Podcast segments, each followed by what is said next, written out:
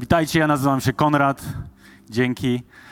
I dzisiaj mamy tą radość, by kontynuować serię. Serię nauczania, którą za, zaczęliśmy w zeszłym tygodniu. Pastor Damian zaczął. Zatytułowaliśmy tą serię Życie po zmartwychwstaniu. I w zeszłym tygodniu, jeśli pamiętacie, mówiliśmy o wolności. Dzisiaj będziemy mówić o czymś e, innym, ale pozwólcie, że e, się pomodlę i my sami gdzieś tam połączymy się tak świadomie z Panem Bogiem w naszych myślach. Poprosimy Go, żeby e, to On przez swoje słowo dzisiaj zmieniał nasze myślenie. Dziękujemy Ci za to, że dałeś swoje słowo, Boże, aby nasze myślenie mogło być zmieniane. A jeśli nasze myślenie będzie zmieniane, to wierzymy, że nasze działania będą zmieniane, nasze reakcje będą zmieniane, nasz świat będzie zmieniany. I prosimy Cię, żebyśmy mogli dzisiaj tego doświadczyć ze względu na Ciebie samego, Jezu. Amen. Ech, kto wie, czy dzisiaj nie żyjemy trochę w takim świecie, którym e, jedną z rzeczy mówiącą o nas więcej niż być może wszystko inne, co robimy, kim jesteśmy, e, jest to, jakie oglądamy seriale i jakie oglądamy filmy. Jak popatrzę na niektórych i wiem, co oglądacie, to po prostu to jesteście cali wy. Oczywiście możesz powiedzieć, e, że to ciebie nie dotyczy, że nie oglądasz, że w ogóle nie, to nie jest tak, że, że spędzasz czas na Netflixie, to nie jesteś ty. Ale to też dużo o tobie mówi. E, ale przez moment pomyślmy o tym, że tak właśnie jest. Że to, co oglądamy, to, co gdzieś tam rezonuje w nas, kiedy gdzieś odpoczywamy, bo to jest ten moment odpoczynku, to dużo o nas mówi. Jeśli tak jest, jeśli to jest taki filtr, przez który możemy trochę lepiej e, siebie nawzajem poznać, kiedy, wiecie, mamy takie rozmowy o niczym e, z drugą osobą, to ja, jeśli miałbym być przez ten pryzmat gdzieś e, zdefiniowany, to znajduję się w takiej bardzo szczególnej przegródce e, pozycji science fiction. Nie wiem czemu, ale od dziecka w zasadzie te filmy i te książki i tego rodzaju rzeczy mnie fascynowały. Science fiction, na polski to tak pięknie się tłumaczy, że to są rzeczy y, fantastyczno-naukowe. I to, co jest ciekawe, kiedy się myśli o fantastyce naukowej, że kiedyś rzeczy, które były fantastyką, dzisiaj podążają w stronę nauki. Czyli pewne rzeczy, kiedy, które kiedyś były jakimś wyobrażeniem, jakimś takim trochę wartem myślenia o tym, co jest przed ludzkością, dzisiaj stają się faktem. Dzisiaj to, co fantastyczne, staje się coraz bardziej naukowe. I to jest niesamowite, że ludzie, którzy zajmują się i, i myślą o tym, co przed ludzkością, produkując jakieś filmy, seriale, pisząc książki, czy myśląc o tym, często trafiają. Często się z nich śmiano, często się gdzieś uśmiechano, a później się okazuje, że tak wygląda dzisiaj nasza rzeczywistość. Przykłady. E, najpopularniejszą polską powieścią science fiction jest powieść Solaris. Nie wiem, czy czytaliście, Stanisław Lem. To taka postać legendarna w zasadzie. I kiedyś jak się czytało tą książkę, to można było sobie myśleć, no to taka rzeczywiście fantastyka. Ale dzisiaj się okazuje, że ty i ja w wiadomościach takich czy innych oglądamy obrazki na żywo wydm z Marsa. To się dzieje. Tam latają już y, ziemskie drony, które robią filmy, które ty i ja dzisiaj oglądamy. To już przestało być fantastyką. Albo, nie wiem, czy lubicie taki serial Czarne Lustro. Generalnie nie polecam tym, którzy nie mają mocnych nerwów. Ale jak się ogląda, to sobie myślisz, nie no, w zasadzie jakieś dziwactwa. Ale co to za dziwactwa, kiedy dzisiaj się okazuje, że algorytm na Facebooku wie więcej o tobie często niż wiedzą o tym, o, to, o, o tobie twoi bliscy. To już nie jest fantastyka. I wiem, że kiedy to mówię, to powoduje w was to niepokój. Bo przeważnie, kiedy myślimy o tym, co przed nami, o tych wyobrażeniach, o tym, jak się świat zmienia, w którą stronę podąża, to bardzo często towarzyszą nam takie właśnie emocje pełne niepokoju i jak to będzie, dokąd my zmierzamy, co to w ogóle będzie. Dlatego dzisiaj chciałbym, żebyśmy się przypatrzyli pewnemu scenariuszowi, który już został dawno temu zapisany. Bardzo pozytywnemu scenariuszowi. Historii wydarzeń, które Bóg już przewidział, opisał, powiedział, tak będzie. I przeczytamy sobie na samym początku e, dwa teksty, teksty apostoła Pawła, bo będziemy mówić o tym, że Bóg przewidział do nas, dla nas wszystkich nadzieję i niesamowite jej spełnienie pewnego dnia. A zatem dwa teksty. Jeden będzie z listu do Rzymian, trochę dłuższy. E, pastor Grzegorz e, przeczytał wers dosłownie po znajdujący się z tego listu. Ja przeczytam kilka wersetów, które poprzedzają ten werset e, czytany przez pastora Grzegorza. Ósmy rozdział listu do Rzymian apostoła Pawła od 18 wersu. Uważam przy tym, że teraźniejsze cierpienia nic nie znaczą w porównaniu z chwałą, która ma się nam objawić. Mówię o przyszłości. Bo stworzenie z tęsknotą oczekuje objawienia się synów Boga, gdyż stworzenie zostało poddane marności nie z własnej woli, lecz z woli tego, który je poddał, w nadziei, że i samo stworzenie zostanie wyzwolone z niewoli skażenia i wprowadzone w chwalebną wolność dzieci Boga. Wiemy bowiem, że całe stworzenie aż do teraz wzdycha i znosi bóle rodzenia. A nie tylko ono. Podobnie my sami, którzy już mamy pierwszy owoc, ducha, wzdychamy w sobie, oczekując usynowienia, odkupienia naszego ciała. Z taką właśnie nadzieją zostaliśmy zbawieni. Nadzieja, której spełnienie się widzi, właściwie nie jest nadzieją, bo kto żyje nadzieją na to, co już się spełniło. Ale jeśli spodziewamy się tego, czego jeszcze nie widać, to oczekujemy tego z całą wytrwałością. A drugi fragment, dosłownie jeden wers z bardzo długiego rozdziału 15 pierwszego listu do Koryntian, 19, brzmi tak jest bardzo mocny, więc trzymajcie się. Jeśli Chrystus jest nadzieją tylko w tym życiu, to jesteśmy ze wszystkich ludzi najbardziej godni pożałowania.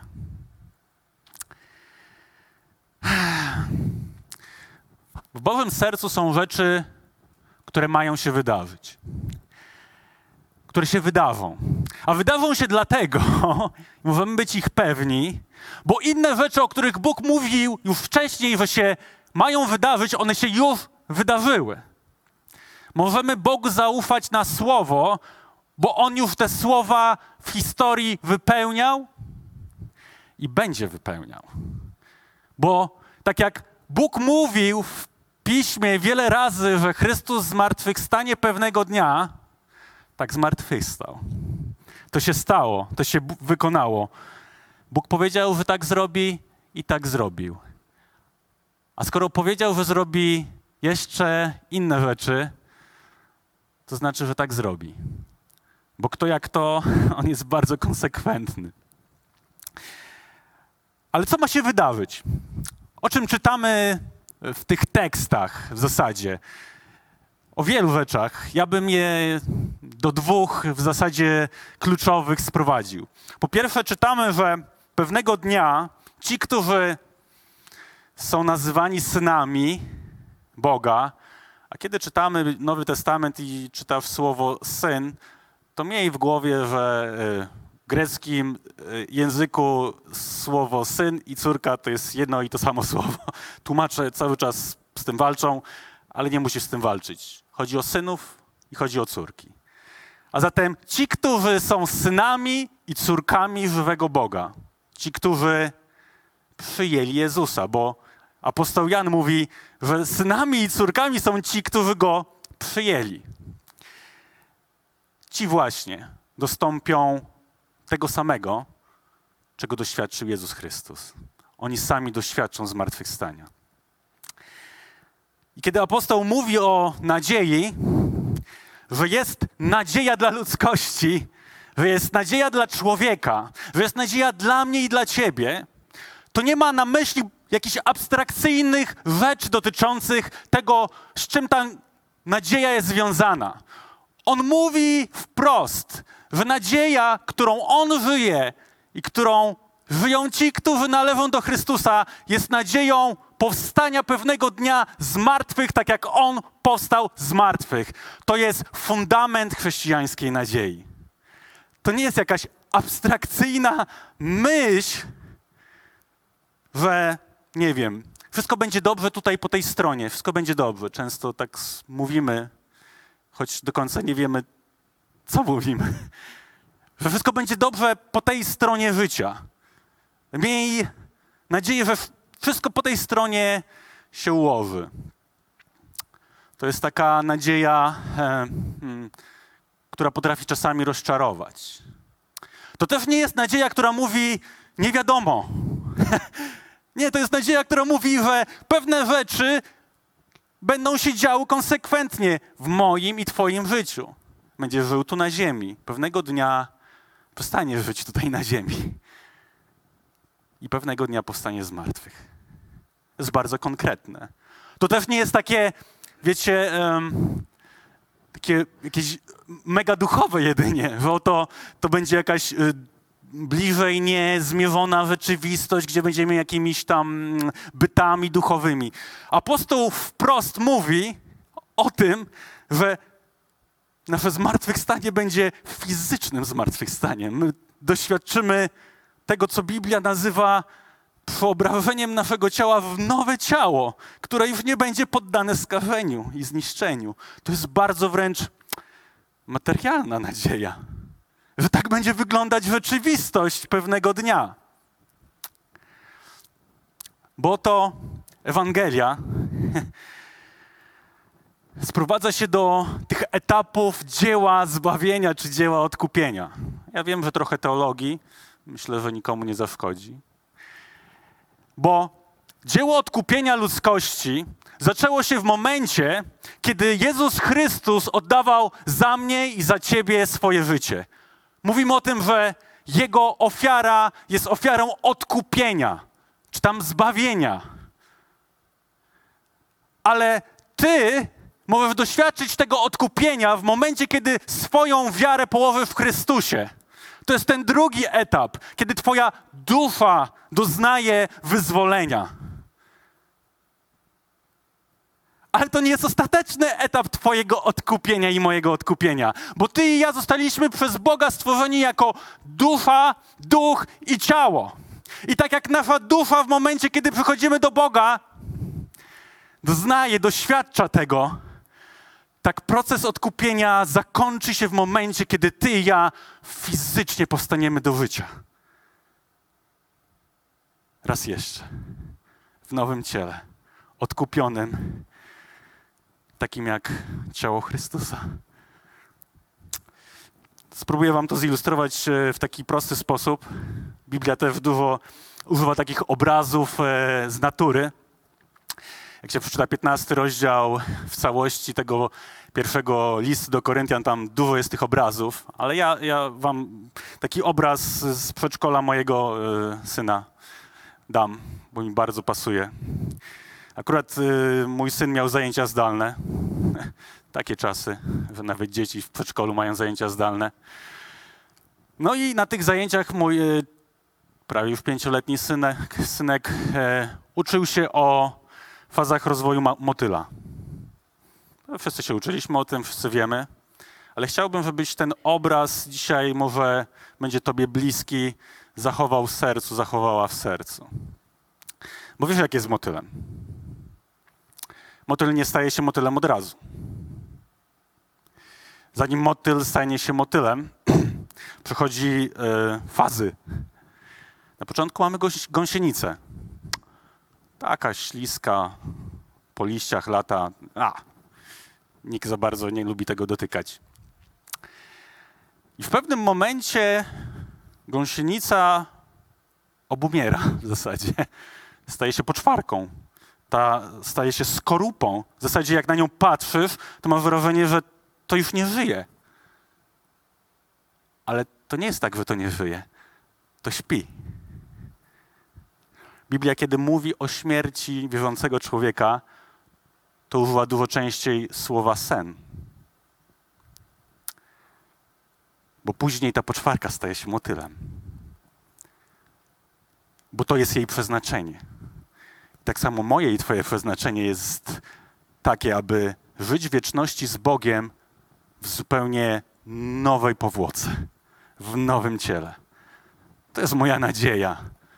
W ciele, które nie będzie podatne na chorobę, w ciele, które nie będzie podatne na grzech, na skażenie, na przekleństwo, na cokolwiek, będzie nowe, odkupione, święte, doskonałe. Motyle są piękne. No dobra, e, ale sobie pomyślisz, no fajne są to myśli, ciekawe, ciekawy scenariusz, Bóg ma fajne plany, ale e, co to dla mnie tak praktycznie oznacza? No powiedz coś praktycznego dzisiaj. Mam kilka praktycznych myśli. Wydaje mi się, że są praktyczne, bo chodzi o świat naszych myśli. Bo jeśli nasze myśli się zmieniają, a mają szansę się zmieniać, kiedy słowo w nas zaczyna robić różnicę, to później wszystko inne się zmienia. A zatem pierwsza myśl jest taka. Ja mam tylko trzy, nigdy nie umiem więcej wymyśleć, więc trzy w zasadzie. Jest taka. Odklej się od ziemi. Choć trochę. Odklej się od ziemi. Mówiłem o tym, że w Bożym scenariuszu są przynajmniej dwie rzeczy, które się mają wydarzyć które przeczytaliśmy z tego tekstu. I o jednej powiedziałem, że ty i ja czekamy tego momentu. Ale jak się ten tekst czyta z listu do Rzymian, to, to czytamy też o drugim w zasadzie bliskim e, temacie, bo to czytamy o tym, że całe stworzenie czeka momentu, kiedy synowie i córki Boga będą odnowieni. Czeka tego momentu, kiedy się to wszystko objawi. Stworzenie ma tęsknotę i pragnienie z tego samego powodu, z którego ty i ja powinniśmy mieć, bo ono czeka tego samego. Teolodzy mówią odnowienie rzeczywistości, regeneracja wszech rzeczy, jakkolwiek. Są piękne słowa. Ale całe stworzenie wzdycha, czeka na ten moment, kiedy my jako ci za Chrystusem powstaniemy. Dlaczego? Bo ono samo zostanie wyzwolone z tego czasu skażenia, w którym się znajduje, bo tak jak ty i ja jesteśmy skażeni przez grzech, bo czytamy wcześniej w liście do Rzymian, że grzech wszedł na świat, na świat, więc wszedł do mojego i do twojego życia, ale wszedł na świat. I on dotyka stworzenia przez nas zazwyczaj, bo to my niszczymy ten świat. My sprawiamy, że jest cieplej, coraz bardziej. Lodowce pękają, temperatura się zmienia, gazy. Kto to robi? my. My zatruwamy ten świat. My doprowadzamy. A w zasadzie grzeszność powoduje, że w tą stronę i my zmierzamy, i zmierza całe stworzenie. Więc całe stworzenie tak naprawdę wzdycha i czeka, aż samo dostąpi tego, czego my mamy dostąpić, zostanie odnowione. Bo to my nie będziemy de facto w jakimś nie, jakiejś duchowej rzeczywistości zwanej niebem. Biblia mówi w wielu miejscach, że kiedy powróci Jezus Chrystus, to będzie nowe niebo i nowa ziemia, pozbawione grzechu, pozbawione skażenia. I na taką materialną dosyć rzeczywistość czekamy. Odnowioną, odkupioną, czystą. To jest to drugie wydarzenie. I skoro ty i ja zostaliśmy zaproszeni, uczestniczymy w tym dziele odkupienia i czekamy, wzdychamy sami, żeby to się dokonało w pełni, to może jest dobry moment, kiedy żyjemy w tak nieprzyjemnych czasach, żeby złapać tą perspektywę raz jeszcze, by się odkleić, by pomyśleć o tym, że my tu żyjemy w zasadzie kilkadziesiąt lat raptem. Psalmista mówi, jak sił starczy, 80. Mój tata ma 82, jeszcze daje radę. Ale żyjemy tu stosunkowo nie, niedługo, a słowo wieczność, widzieliście taki znaczek w matematyce związany z nieskończonością? Jest bardzo podobny do rybki. No tak mi się teraz przypomniało. Wiecie, czasami się zachowujemy, ja się zachowuję, pewnie wy też, jakby praca, którą wykonujemy, była wszystkim. Jest cały mój świat. Moje ganianie za lepszym, e, lepszą pracą, większym domem, fajniejszą działeczką za Warszawą. Fiksujemy swój umysł, żeby to ciało, które mamy teraz, żeby ono w zasadzie było doskonałe, więc po prostu ćwiczymy, nie wiem, w nieskończoność, e, wlewamy w siebie różne rzeczy, żeby być zdrowszymi. Często po prostu tak się fiksujemy, jakbyśmy mieli tutaj zostać do końca, jakby chodziło tylko o ten czas tutaj. I tak myślimy, i tak działamy, skupieni na tym, co tu i teraz. I gubimy taką świadomość tego, że wszystko, co tu, jest tylko na chwilę. Na drobną chwilę. A jakby się tak zdystansować? Nie mówię o tym, żeby nic nie robić.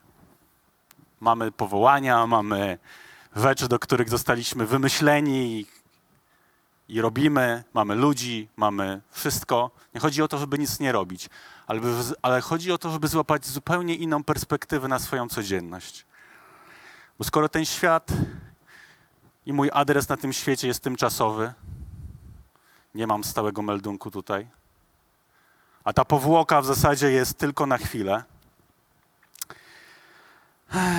to może też mój codzienny kalendarz trzeba trochę przestawić i więcej czasu inwestować na to, co mnie czeka w przyszłości, niż skupiać się i poświęcać tak wiele uwagi na rzeczy, które nie mają znaczenia tutaj po tej stronie.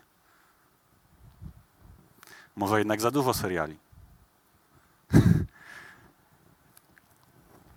Pierwsza myśl jest taka, odklej się od ziemi, a druga brzmi tak. Twoje i moje zmaganie ustanie. Zrymowało mi się. Twoje i moje zmaganie ustanie. Ten tekst z listu do Rzymian zaczyna się takimi słowami. Teraźniejsze cierpienia nic nie znaczą. Hmm. W porównaniu z chwałą, która ma się nam objawić.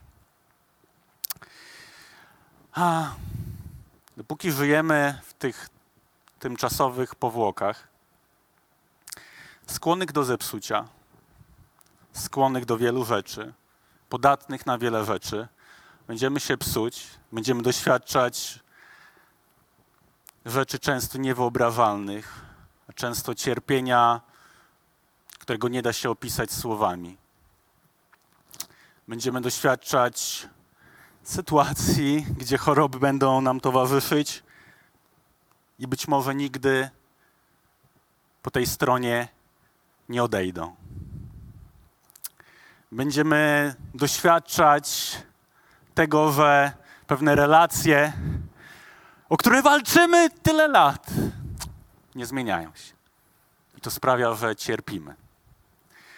W końcu będziemy doświadczać tego, że będziemy widzieć, jak najbliżsi ludzie nam odchodzą i zupełnie nie wiemy czemu. I będzie to powodowało taką dziurę w duszy.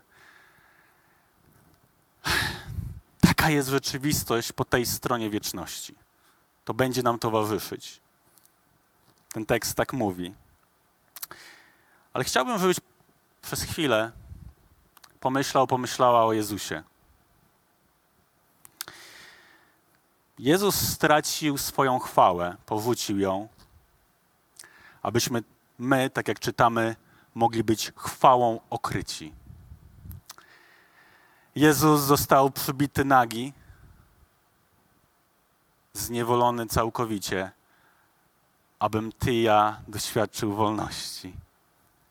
Jezus został wyrzucony poza wszystkie ramy społeczne, abym ty i ja zostali przyjęci. Jezus w końcu cierpiał w moje i Twoje miejsce za moje i Twoje odejście od Boga, bym Ty i ja nie musiał cierpieć w byciu oddalonym wieczności od Niego. Jezus stał się prawdziwym zastępstwem tego wszystkiego. Jego ofiara przynosi wieczny sens. Jego cierpienie przynosi sens. Bo jest taki rodzaj cierpienia, który przynosi sens. Czasami myślimy, że Bóg nie dopuści do trudnych rzeczy w naszym życiu, podczas gdy jak patrzymy na samego Jezusa Chrystusa, to się okazuje, Bóg dopuścił najgorszych rzeczy w życiu swojego Syna. Pozwolił cierpieć w najbardziej okrutny sposób swojemu Synowi. Więc takie myślenie często, że Bóg czegoś nie zrobi w moim życiu, może nie zrobi, przeczy temu, co zrobił swojemu synowi, co pozwolił, aby jego syn przeszedł. A moje i Twoje doświadczenie, takie codzienne, potwierdza, że tak jest. Że cierpimy i będziemy cierpieć. Wiecie, Paweł pisał te listy, te teksty w czasach pierwszego kościoła. Czasami nie wyobrażamy sobie, co to jest za świat pierwszego kościoła, bo to było tak dawno temu, ale pomyślcie o tym, że to był czas, kiedy każdego dnia wierzący ludzie zastanawiali się, czy dożyją kolejnego dnia. Kościół był prześladowany w sposób niesamowity. Cierpienie było codziennością pierwszego kościoła. I Paweł pisze do Rzymian, pisze do Koryntian, pisze do Galacjan, pisze do Efezjan, do kogokolwiek by tam nie pisał. To pisze do kościołów, które codziennie się zmagają.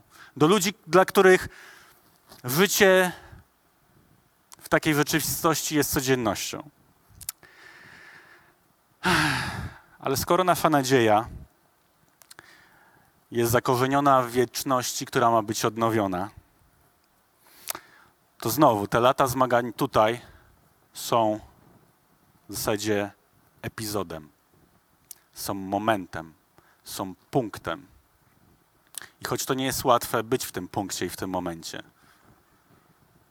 to ostatecznie wciąż jesteśmy w serialach.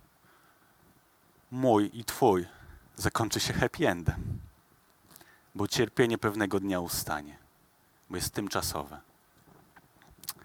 I ostatnia myśl jest taka.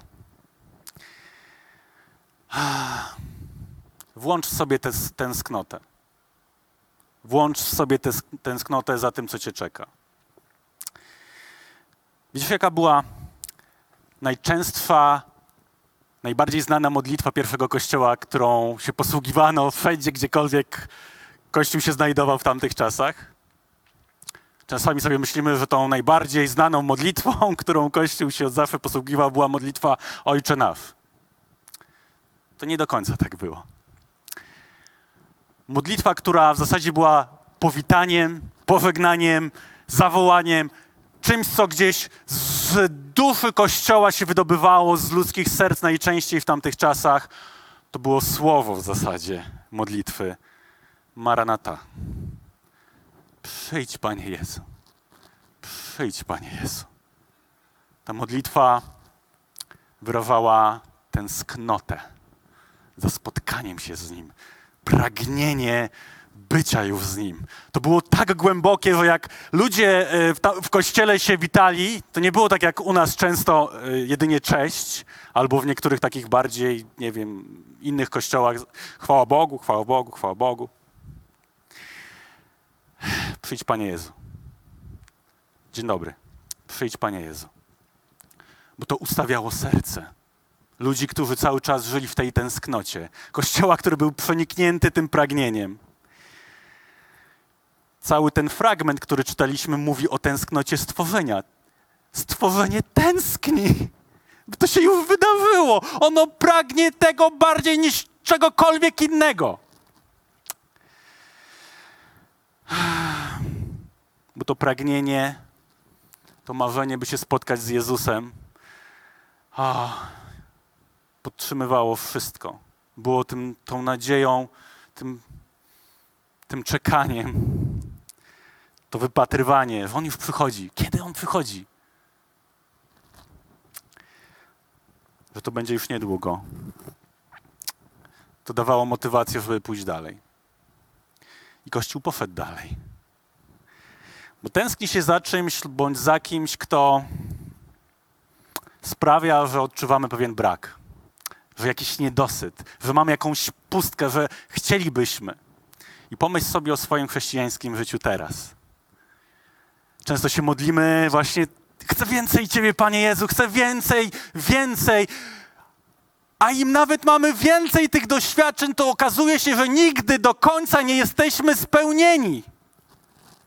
Ile byśmy Boga nie doświadczyli po tej stronie, to wciąż mamy tęsknotę, bo ona została w nas zainstalowana, bo ona jest jedynie w stanie być uzupełniona i spełniona w momencie, kiedy spotkamy się z Nim, więc zawsze będziesz tęsknić za Jezusem. W zasadzie zawsze powinniśmy za Nim tęsknić. I nie da się być w stu procentach po tej stronie szczęśliwy i spełniony. Zostałeś powołany do czegoś więcej.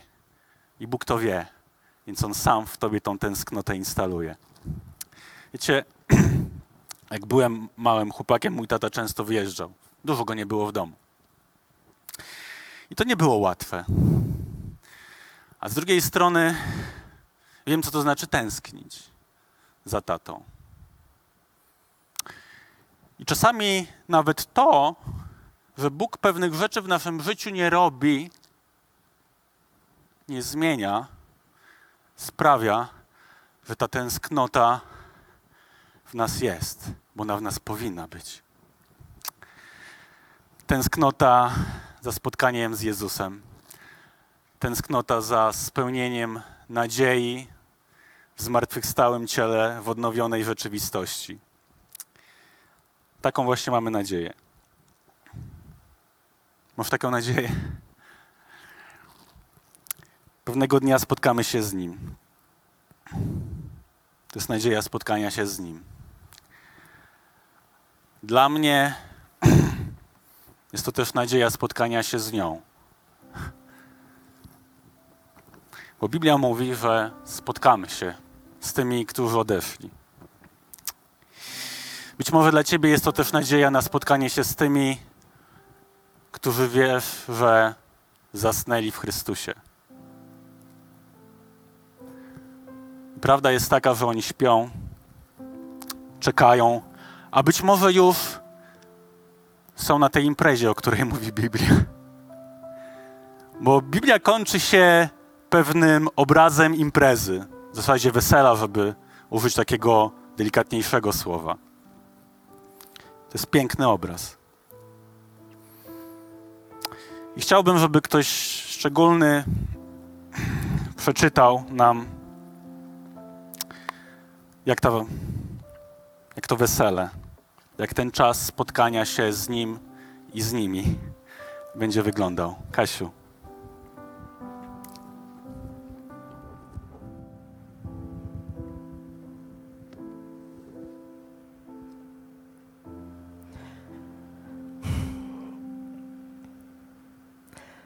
Następnie zobaczyłem nowe niebo i nową ziemię gdyż pierwsze niebo i pierwsza ziemia przeminęły, nie ma już morza. Zobaczyłem też święte miasto, nową Jerozolimę. Stępowała ona z nieba od Boga. Przygotowana była jak panna młoda, wystrojona dla swojego męża. I usłyszałem donośny głos: rozległ się od strony tronu. Głosił: Oto namiot spotkania Boga oraz ludzi. Będzie z nimi mieszkał. Oni będą mu ludem, a będzie z nimi sam Bóg, ich Bóg. Otrze też wszelką łzę z ich oczu. Nie będzie już śmierci, ani bólu, krzyku, ani znoju, ponieważ pierwsze rzeczy przeminęły. I ogłosił ten, który siedział na tronie: Oto wszystko czynię nowym. Potem dodał: Napisz. Te słowa są prawdziwe i godne wiary. Oznajmił mi także: Stało się. Ja jestem Alfą i Omegą, początkiem i końcem. Ja dam pragnącemu za darmo ze źródła wody życia. Zwycięzca to odziedziczy i będę mu Bogiem, a on będzie mi synem.